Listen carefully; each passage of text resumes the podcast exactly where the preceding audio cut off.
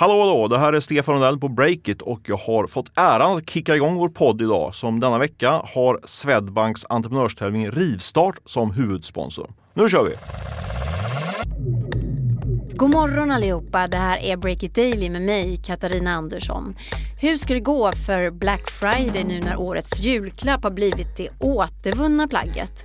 Hör experten som säger att vi beter oss som djur så fort priserna sjunker.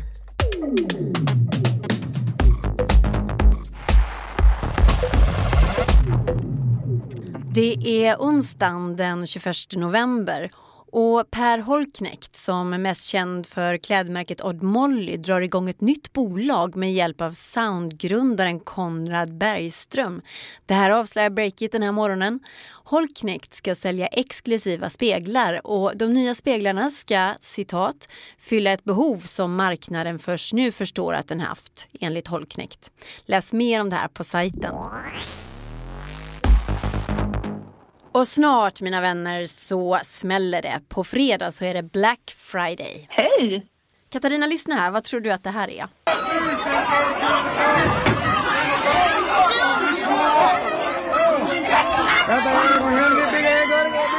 Katarina Graffman är antropolog och hon studerar bland annat hur konsumenter beter sig. Och hon har skrivit boken Vi är vad vi köper.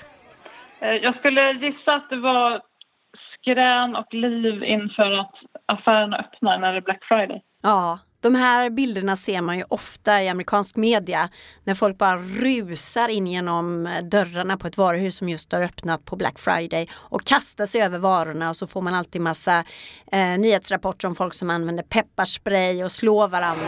One police officer even grabbing this shopper by the face and throwing him to the ground after a brawl broke out over a $5 Barbie.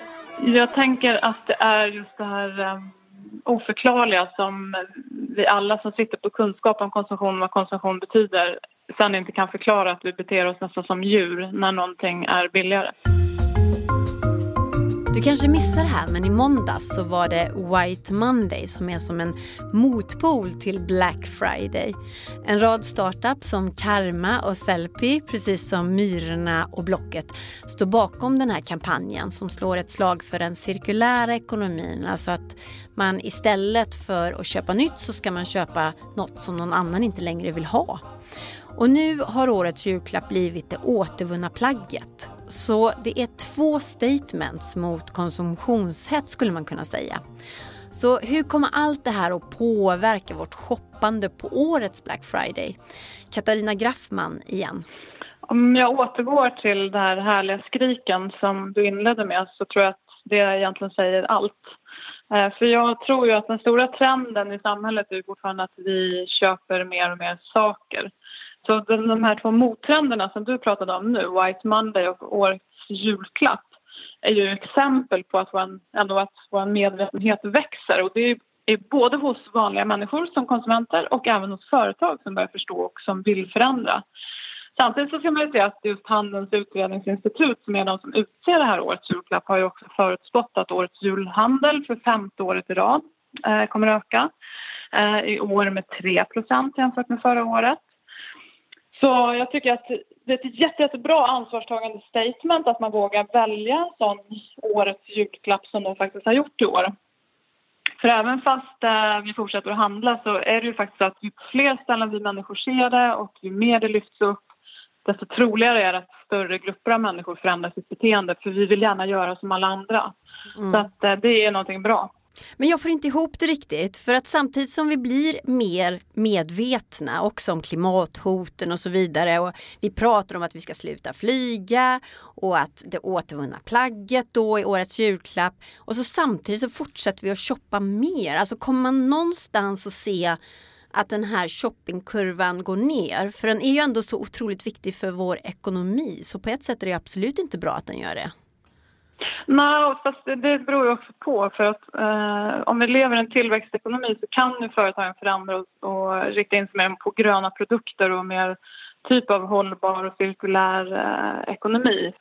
Men jag tror att det är just det där det primalskriket som du spelade upp innan, det är det som är problemet. Vi har ju alltid älskat prylar, så har det varit i alla tider. Och det är rätt så få människor fortfarande som är hängivna i någon form av hållbart levande. Så det här eh, shoppande djuret vinner alltså över den medvetna konsumenten? Ja, djuret är på många sätt starkare än, än det rationella. Vi ska strax prata om den oh shit-reaktionen som kom efter New York Times senaste avslöjande om Facebook. Måste Mark Zuckerberg kliva åt sidan? Ryktena är i full svang. Men först så vill vi tacka våra sponsorer som gör det möjligt för oss att göra den här podden. Camilla och Olle, två av entreprenörerna bakom Breakit. Varsågoda. Ja, och vi är väldigt glada över att Swedbank sponsrar oss. Och eh, just nu ordnar Swedbank entreprenörstävlingen Rivstart där första pris är 500 000 kronor och ett skräddarsytt affärsutvecklingsprogram för att kunna ta sin affärsidé till nästa nivå. Mm, och för att ge lite hjälp på traven till den som vill ta sin affärsidé till nästa nivå så tänkte vi ge våra mest oväntade tips för när man rivstartar sitt företag. Mm, och då kommer mitt tips här. Eh, det är att inte ha en startbuffert. Inte? Nej, det får man ju höra jämt att man ska ha en. Eh, men jag menar att man måste ha kniven mot strupen. För då har man inget annat val än att liksom kasta sig ut och sälja.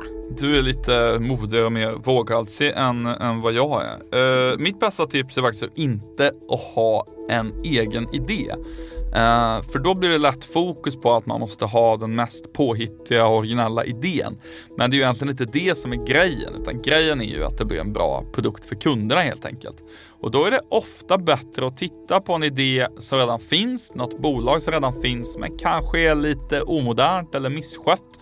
Och så försöker man göra samma sak, men bättre och mer effektivt. Bra tips Olle.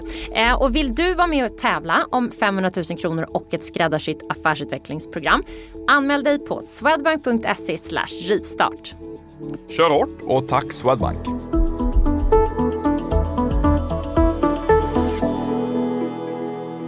Förra veckan så släppte New York Times en bomb. En granskning som visat Facebook som krishanterat rysk valpåverkan och dataskandaler som Cambridge Analytica i ett par år nu spelat ett fult spel.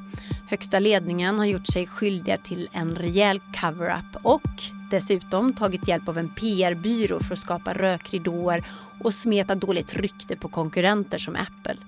Fake news från Facebook alltså. Och nu spekuleras det flitigt i vad som ska hända på företaget. Får Sachs högra hand, Sheryl Sandberg, sparken? Tvingas Zuckerberg själv att ta en mindre roll i Facebook? Jag frågade experterna på internetdagarna igår vad de tror kommer hända. Dataetnologen Trisha Wang, ja det finns faktiskt en titel som är dataetnolog. Hon sa så här. What I think will happen is that people will uh, really become more suspicious and pressure the company to do better and to actually live up to the ethics and the practices that they've outlined. Because right now it's affecting their stock value and I think that's what's going to really uh, push them to really reflect. Futuristen Dan Hammersley tror att Facebooks misstag har varit för många.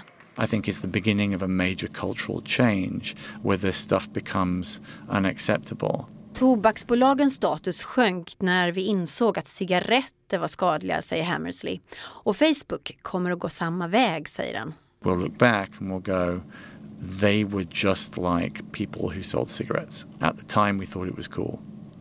Now we recognize it wasn't. They're still rich, but they don't get to go to the cool bars anymore. Break It Daily hör du imorgon igen. Tack för att du lyssnat. Olle Aronsson är ansvarig utgivare och jag heter Katarina Andersson.